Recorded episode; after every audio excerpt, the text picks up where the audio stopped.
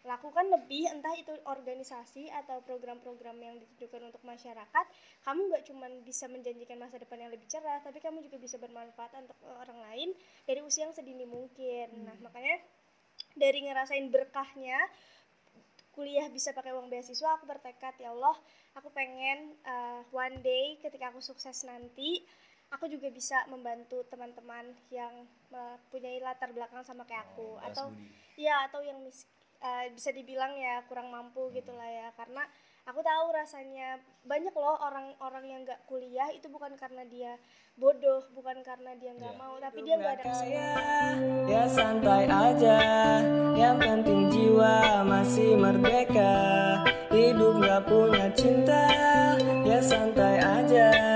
Gak maksa gila Lemesin aja. Kau harus ingat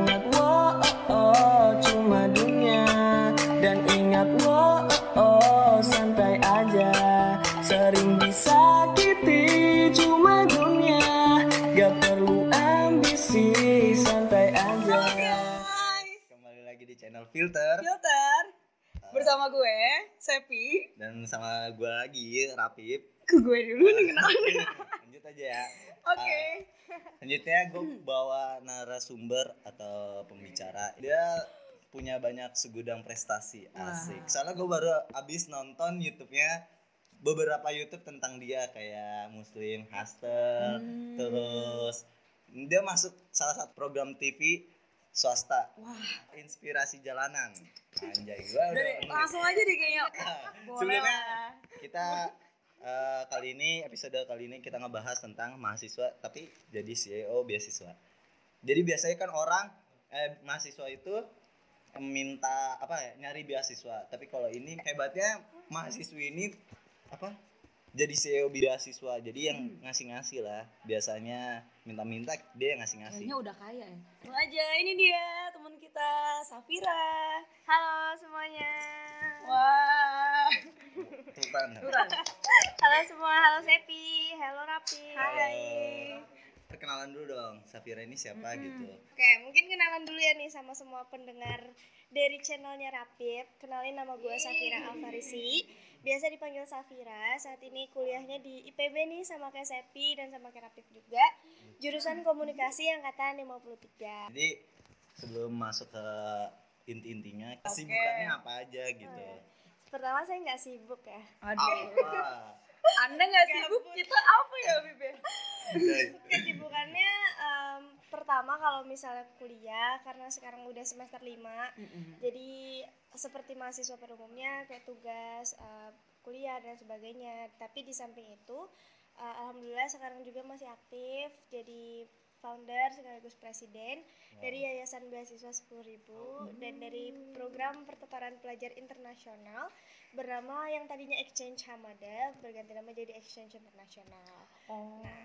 Dijelasin juga kan nih beasiswa Eh, apa? Kalau itu kita Skip dulu. skip dulu Skip dulu. dulu. Tahan, tahan. Tahan dulu ya, tahan. sebelumnya. Jadi tersadar. kalau Rabib sendiri anak berapa nih? Anak ketiga. Nah, kalau aku tuh anak pertama dari tujuh bersaudara nih. Wah. Banyak banget kan? banyak banget. Bentar lagi mau jadi Gen Halilintar. Aduh. Nambah berarti. Enggak sih, enggak mau lagi ya Allah, udah cukup, enough, enough. Nah, aku anak pertama dari tujuh bersaudara dan aku bisa dibilang sih dari dulu itu lahir dari keluarga yang sederhana kayak dari kecil aku udah struggling banget nih Pip kayak buat hidup untuk memperoleh pendidikan dan lain-lain jadi mungkin bisa dibilang kayak apa yang udah aku laksanakan atau aku capai pada saat ini itu semua berdasarkan dari pengalaman pribadi aku dulu perjuangannya, strugglingnya dan lain-lain sebagainya sehingga sekarang bisa menjadi pribadi yang seperti ini sih gitu. Oke. Oh iya. Tadi udah ngomongin soal sedikit tentang sejarah hidup ya. Sejarah hidupnya Safira nih. Aduh, berasa manggil nama sendiri. Sekarang pengen tahu sedikit lebih dalam nih soal sejarah dari beasiswa 10.000 itu sendiri gimana sih? Kok bisa gitu sampai ada nama beasiswa itu?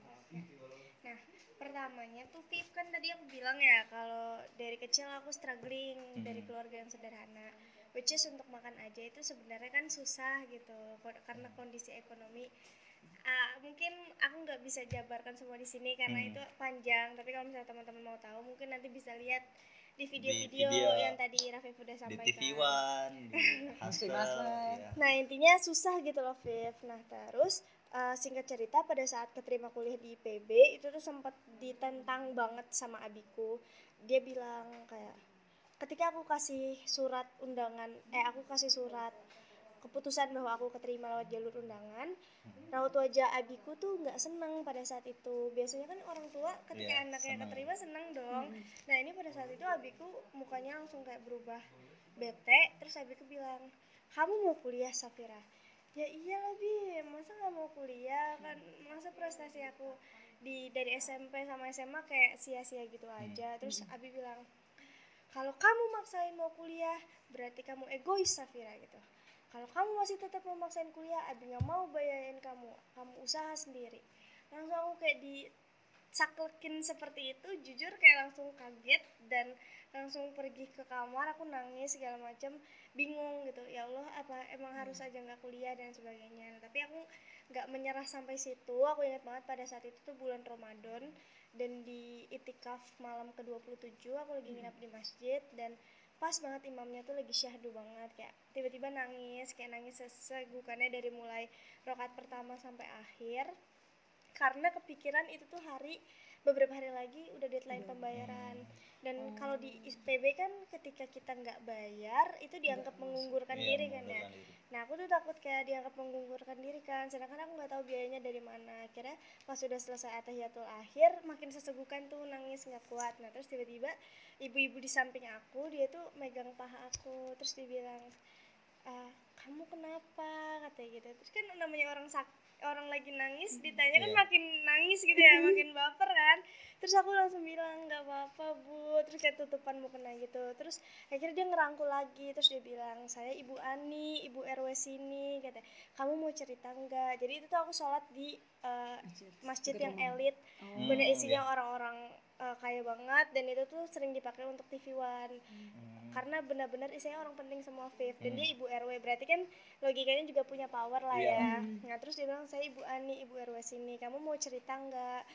Terus akhirnya aku ceritain kayak gini gini gini masalahnya. Dan akhirnya dia bilang adik ipar ibu direktur utama Permata Bank Syariah kata dia gitu. Mantul. coba kamu ah, kalau nilai rapot kamu bagus coba ajuin ke sana. Siapa tahu dapat kan. Akhirnya aku ajuin dan singkat cerita lolos dapat beasiswa full prestasi dari Permata Bank Syariah dan sampai saat ini aku kuliah pakai uang prestasi dari uang beasiswa dari Permata Bank Syariah dan ketika aku kuliah pakai uang beasiswa tuh kayak ada hasrat dari dalam diri sendiri tuh yang mau do something gitu kayak melakukan sesuatu yang lebih nggak mau cuma jadi mahasiswa yang ngincer IP Iya. bagus nggak mau jadi mahasiswa yang cuma ngincer IPK bagus karena ya kalau misalnya cuma nilai doang yang kita kejar rugi nggak sih? Ujung-ujungnya ketika kita lulus kalau ditanya cita-citanya mau jadi apa kayak mau kerja di tempat yang bagus gaji di atas UMR dan lain sebagainya Hmm. itu mungkin kamu beruntung mungkin kamu cukup tapi cuma untuk keluarga kamu atau diri kamu sendiri. Tapi kalau misalnya kamu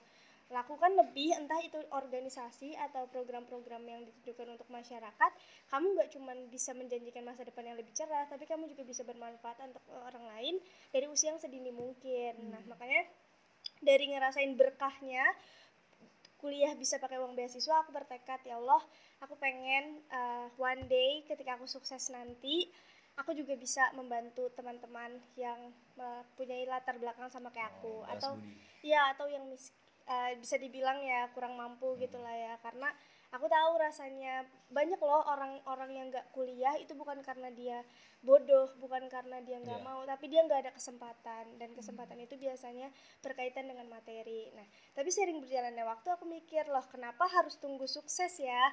Kan eh, sekarang tuh udah zaman serba ada. ada loh. Kayak maksudnya gara-gara eh, eh, industri 4.0 titik nol kayak Iya. banyak banget orang-orang yang memanfaatkan sosial media untuk kebaikan dan lain sebagainya. Dan akhirnya aku mikir ya kenapa harus nunggu sukses? Kenapa nggak mulai sedini mungkin? Dan akhirnya aku buat beasiswa sepuluh ribu dengan niatan tadi untuk membantu teman-teman memaksimalkan sosial media dan menggerakkan anak-anak muda untuk berkontribusi di bidang pendidikan dengan cara menyelenggarakan berbagai kegiatan positif di daerah mereka masing-masing. Dan saat ini alhamdulillah udah punya 2000 volunteer yang tersebar di 15 kota se-Indonesia dan mereka ngadain program kayak bimbel gratis, sekolah bakat gratis, terus kayak uh, bina desa, lomba-lomba nasional dan internasional serta pemberian beasiswa dan sebagainya. Alhamdulillah. Oke deh. banget deh. Kita break dulu ya.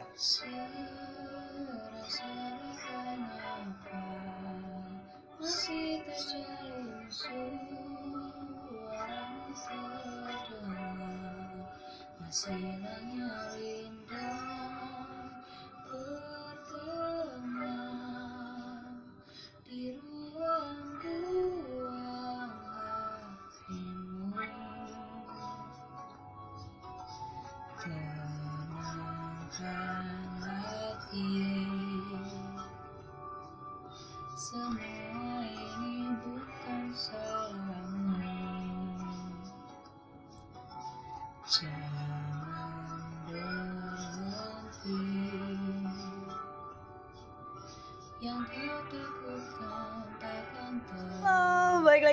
kita. Tadi kan udah jeda nih, terus juga tadi udah Safira juga tadi udah ngejabarin sejarah singkat lah ya tentang beasiswa 10.000 itu kok bisa sampai ada.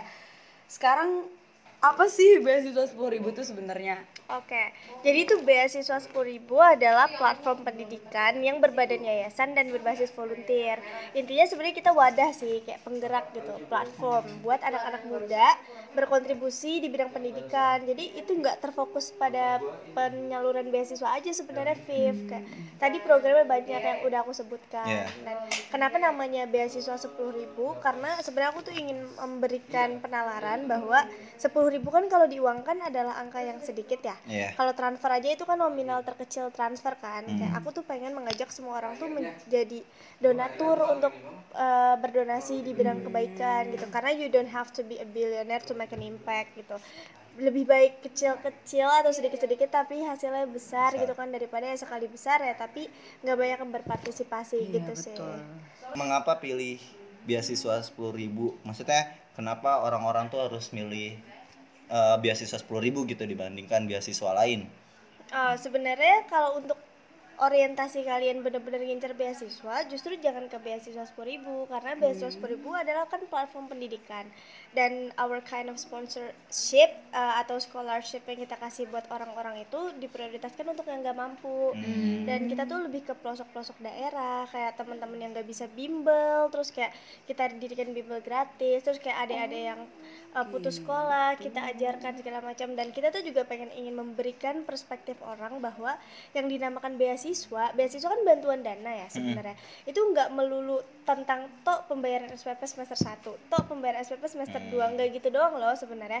Kayak kita memberikan pembinaan ke mereka tentang pelajaran dirian sekolah bakat gratis itu juga bisa termasuk beasiswa gitu. Jadi kalau misalnya emang yang kalian nih atau mungkin pendengar eh, pikirin kalau kita penyalur beasiswa sebenarnya nggak hanya itu kita lebih dari ih, itu gitu. Baru tercerahkan nih. Tuh. Ntar gue baru tercerahkan. Jadi itu yang volunteer-volunteer itu tuh ternyata mereka nanti yang bakal turun gitu. Ya, Iya, kayak mereka- ngajar gitu kan. Iya, that's right. Dia kan aku bilang tadi ada 2000 volunteer kan di 15 kota besar. Nah, itu mereka yang menggerakkan langsung. Nah, tapi uh, nggak menutup kemungkinan sih insya Allah jika ini emang semakin besar, jika ini emang semakin banyak yang berpartisipasi, donaturnya semakin banyak juga, nggak menutup kemungkinan di beberapa tahun lagi kita juga buka program pure emang beasiswa untuk nasional gitu. Tapi kembali lagi prioritasnya yang kurang mampu. Tuh yang gabut ayo ikutan.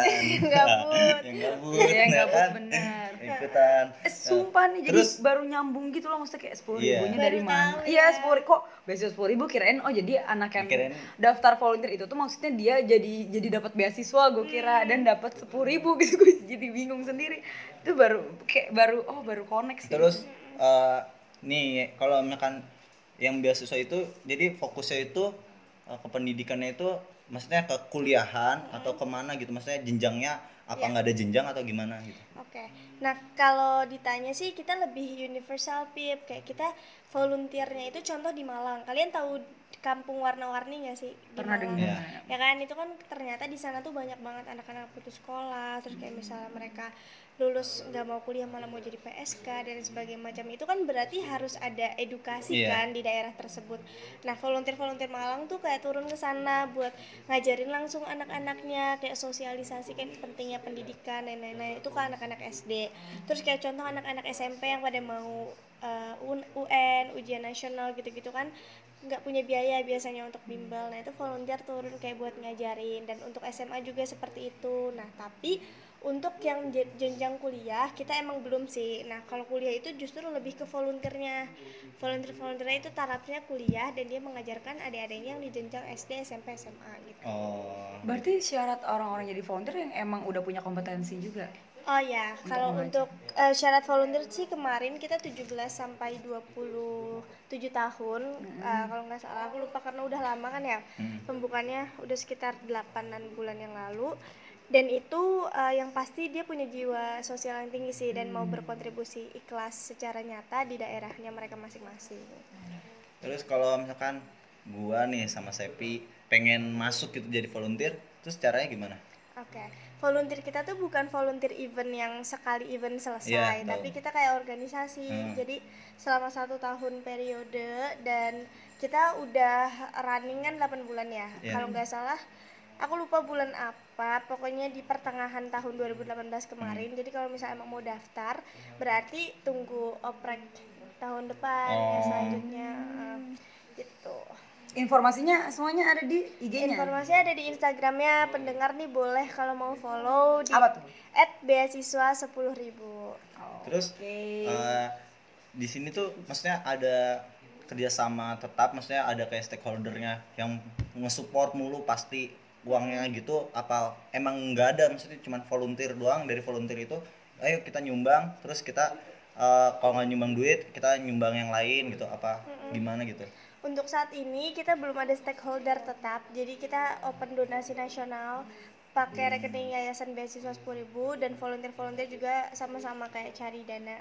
Entah dari Car Free Day gitu Iya. mereka penggalangan dana langsung dan lain-lain. Tapi insya Allah sih udah nge-planning. Jadi Alhamdulillah nih aku diundang untuk meeting sama direktur utama Bank Muamalat. Aku belum tahu sih kayak goalsnya itu apa di meeting tapi kayaknya mau aku purpose diarahkan ke beasiswa 10.000 jadi intinya siapa tahu nanti kita bisa masukin itu ke program CSR perusahaan mereka. Jadi setiap bulannya bisa disupport dana insya Allah doain aja. Amin. Eh, tadi lu apa maksudnya sejarah tadi sejarah beasiswa itu eh, tadi udah diceritain kan ya? Maksudnya gue pengen banget nih sebenarnya intinya tuh gue pengen ngomong udah lama gitu tentang masalah ini. Jadi gue tuh pengen buat kayak suatu komunitas ibaratnya gitu. Nah pasti kan ibaratnya orang kepikirannya tuh kayak buat komunitas gimana sih? Gue harus tenar atau gimana? Kan kayak gini kan maksudnya nggak mungkin lah pengen buat komunitas gede tapi ya gue aja nggak tahu cara buatnya gimana terus harus step-stepnya itu gimana? Harus apakah harus kenal sama orang gede ya maksudnya yang linknya gede atau gimana gitu? Oke berarti lebih ke step awal ya? Nah eh, beasiswa itu ntar bentuknya itu kok bisa sampai gede banget gini gimana gitu maksudnya? Alhamdulillah. Pertama aku emang tipikal orang itu so ide. Mungkin teman-teman juga kalau misalnya punya kelemahan so ide sebenarnya itu bukan kelemahan tapi itu kelebihan.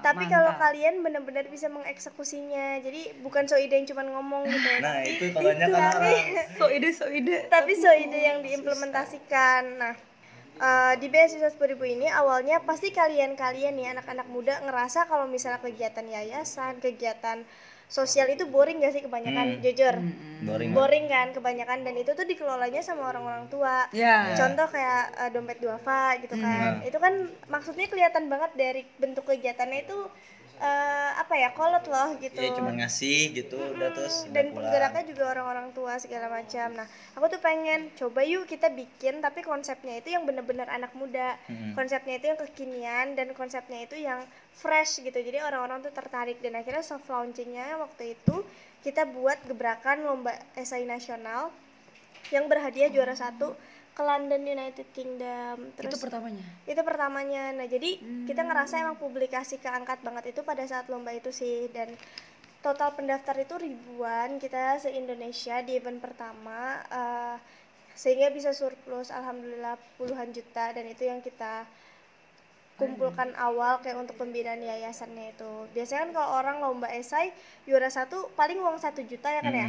Juara dua 750 Iya. juara tiga 500 nah itu kita beraniin juara satu lom- eh, ke London United Kingdom plus kamera plus Wow. laptop plus uang tunai 7 Berarti- juta terus plus tabungan biasa ya semua orang Nenek-nenek pasti gitu, siapa yang nggak Gak pengen ya? coba? Nah, Iya. makanya eh, itu yang rasa kayak ngedongkrak banget kan. Dan akhirnya orang-orang pada tahu kita, orang-orang pada follow dan sambil di masa pendaftaran itu kita sisipin bahwa kita mau running open recruitment volunteer gitu-gitu. Jadi infonya langsung mengerucut dan gak lama alhamdulillah banyak banget yang daftar gitu. sebelumnya yang kalau tadi yang kan hadiahnya itu kan gede ya. Maksudnya itu eh, itu cuma dari uang pendaftar atau dari orang lain? Masa apa eh, dari wah kerjasama nih sama ini? Atau eh, Sapira tuh modal nekat doang. Eh gue udah perhitungin eh, biayanya segini segini segini dari pendaftar atau dari mana gitu Modal nekat doang. modal nekat maksudnya intinya dari tujuannya tadinya dari mana duitnya Ke- kebayangnya gitu Aku selalu percaya teori bahwa semakin kita wah, semakin banyak Iya, juga iya, orang bener yang sih, daftar. bener sih. Kalau misalnya kita mau untung banyak atau mendapatkan surplus besar, cuman even kita biasa-biasa aja ya sama aja mimpi menurutku. Kalau misalnya kita emang mau dapetin orang-orang pendaftar yang banyak ya kita hadiah-hadiahnya juga benar-benar wah benar-benar beda. Dan emang belum pernah ada kan lomba kayak gitu di Indonesia. Ya udah aku mau jadi yang pertama. Dan akhirnya diseriusin kita paid promote ke mana-mana gitu tuh kan kayak iklan iklan iklan segala macam. Jangan takut beriklan. Dan akhirnya bener aja bener-bener balik modal tuh dari sana. Tapi maksudnya nggak ada nggak ada nggak ngajin sponsor- proposal ya sponsornya gitu dari mana? Nggak ada. kita kita sengaja nggak distribusiin sponsor. Terus kita du- mau duit kita itu mau dari- mandiri pure dari uang oh pendaftaran pendaftaran doang? Dan itu surplus 80 juta. Pendaftar berapa satu itu. Anjir, bayarnya berapa pendaftarnya? Satu. Gila. Iya gila emang sih Gila lu. tuh nenek-nenek pensiun aja nengok. Itu sumpah lihat jadi kiper kayak ini gitu. aja. Buat event-event kayak gitu aja. Ya nah itu uang uang pendaftaran kan tiga tahap kan kayak semakin cepat semakin murah Ah. Ah, lima iya. puluh ribu Ah, kayak presale gitu ya Eh, early bird Early Iya, bird, iya. anak pensi banget ya. Kan lima puluh ribu, tujuh puluh lima ribu, sama seratus ribu. Nah total pendaftaran itu seribu sembilan ratus. Nah coba kalian Iya. aja. Dua ribu lah seratus kali dua ribu berapa Beb? coba berhitung saya tidak ada hitungan di peternakan 200 juta nggak sih? Pokoknya Ya, anggap kayak aja tengah-tengahnya deh kalau misalnya serat.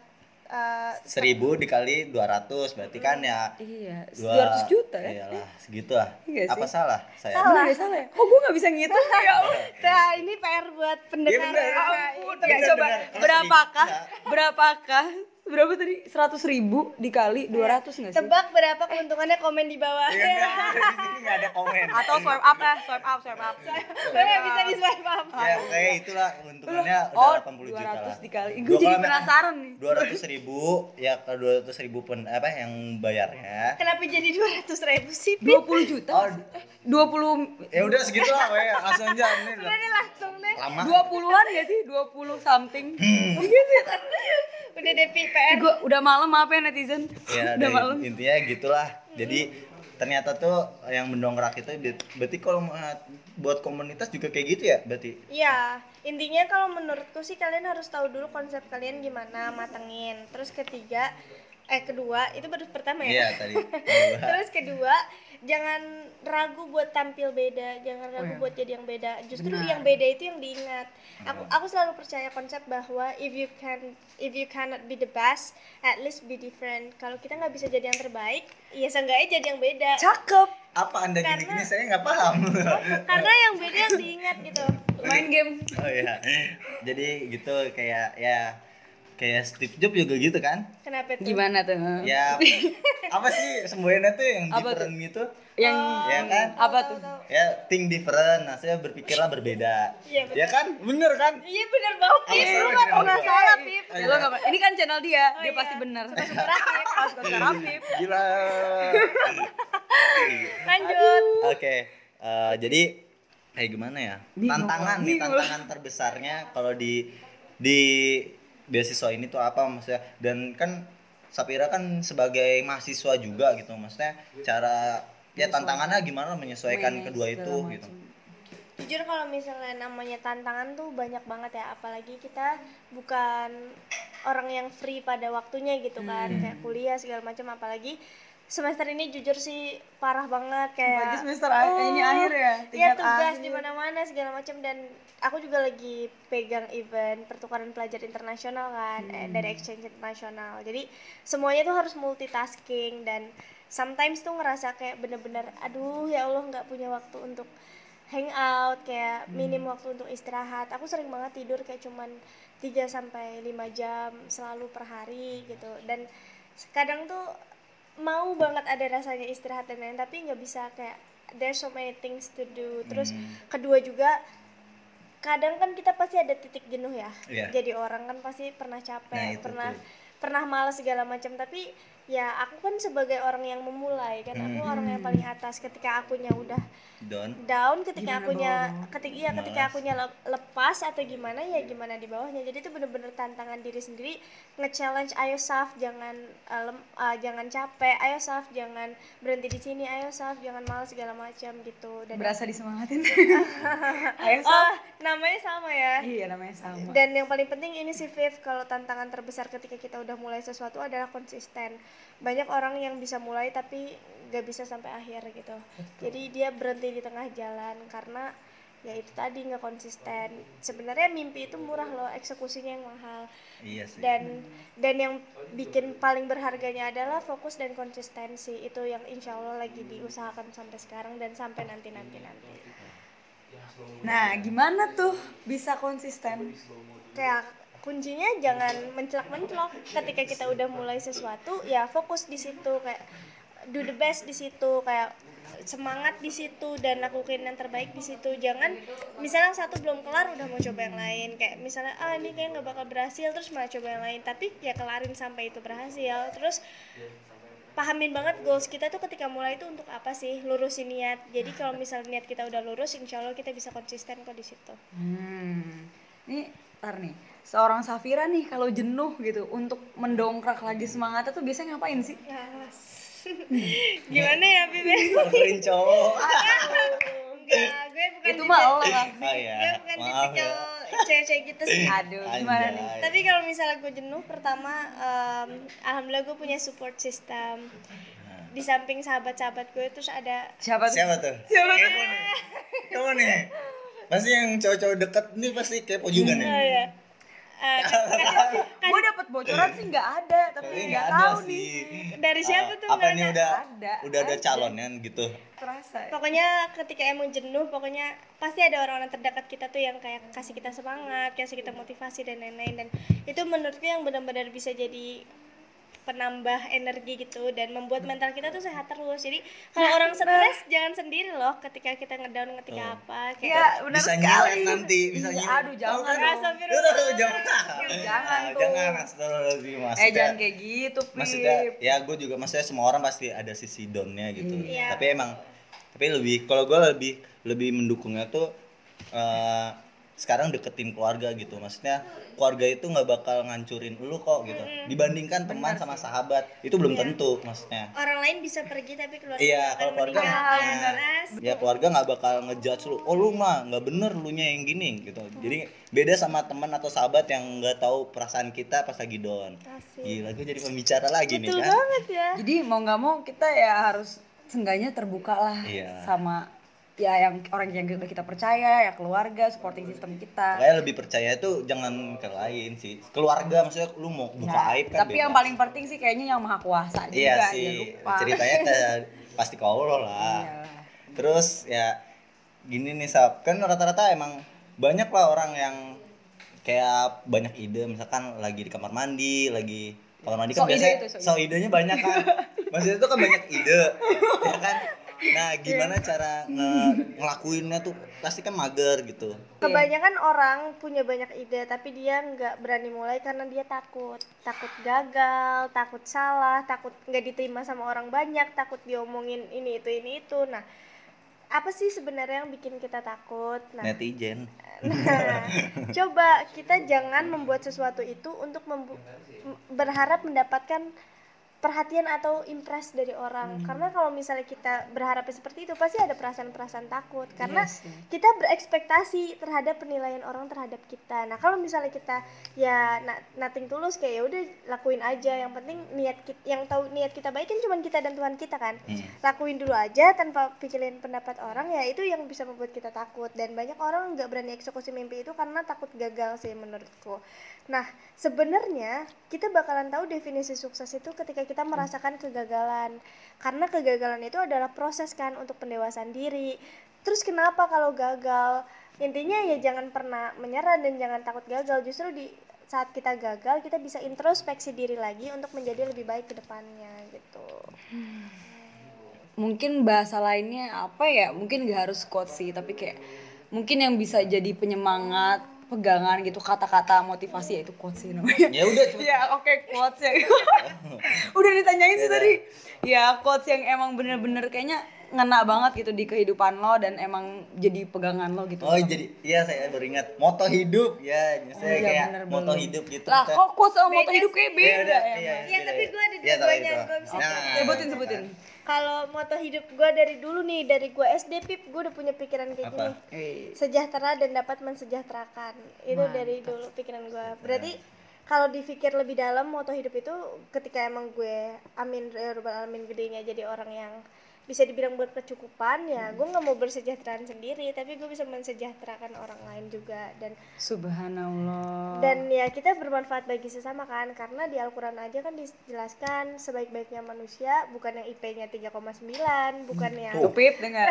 Dengerin tuh 3,9 bukan, bukan yang gajinya puluhan juta bukan yang bisa beli mobil dan lain sebagainya tapi dia yang paling bermanfaat buat orang lain kan. Tuh. nah itu yang gue pegang banget dari kecil. Dan untuk quotes yang bikin gue selalu percaya akan adanya takdir akan adanya kesempatan yang lebih baik adalah quotes dari Abu Bakar Siddiq sahabat Rasulullah. Dia bilang jika beda ya dia bilang jika uh, aku minta sesuatu dan Allah mengabulkannya maka aku akan bersyukur Satu satu, kali. kali. tapi jika aku minta sesuatu dan Allah tidak mengabulkannya aku akan bersyukur 10, 10 kali. kali.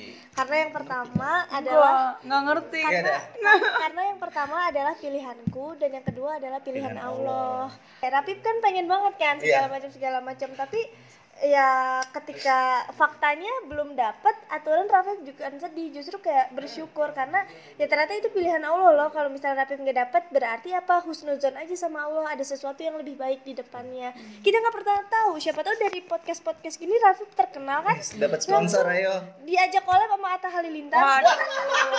langsung langsung melejit langsung melejit aha gengs. Aha bukan gengs. dia yang nyari beasiswa. Beasiswa nyari dia. Betul. Anjay Nggak ada nggak ada yang pernah tahu gitu dan jangan pernah menyesali keadaan sih menurut Wah. aku itu selalu bersyukur karena orang yang paling beruntung adalah orang yang pandai bersyukur wah berasa habis kuliah umum sih Iya. gue ini oh iya kayak mama dede gue Iya, Mama. So, thank you banyak banget buat teman-teman yang udah dengerin kita. Yeay. Makasih juga buat narasumber kita. Thank you, Safira, Safi. Safira, Thank you, banget. yang kepo kayak apa sih orangnya add aja instagramnya At at Safira LFRS H-nya di tengah ya. Iya. Safira LFRS nama lengkapku itu Safira Alfarisi Wah, dan juga jangan lupa follow beasiswa 10.000 terus apa lagi?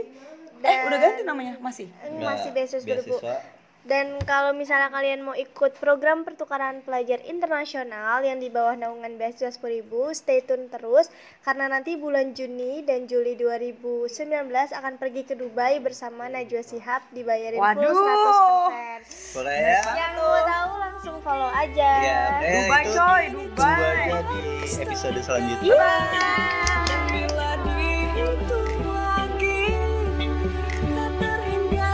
Oh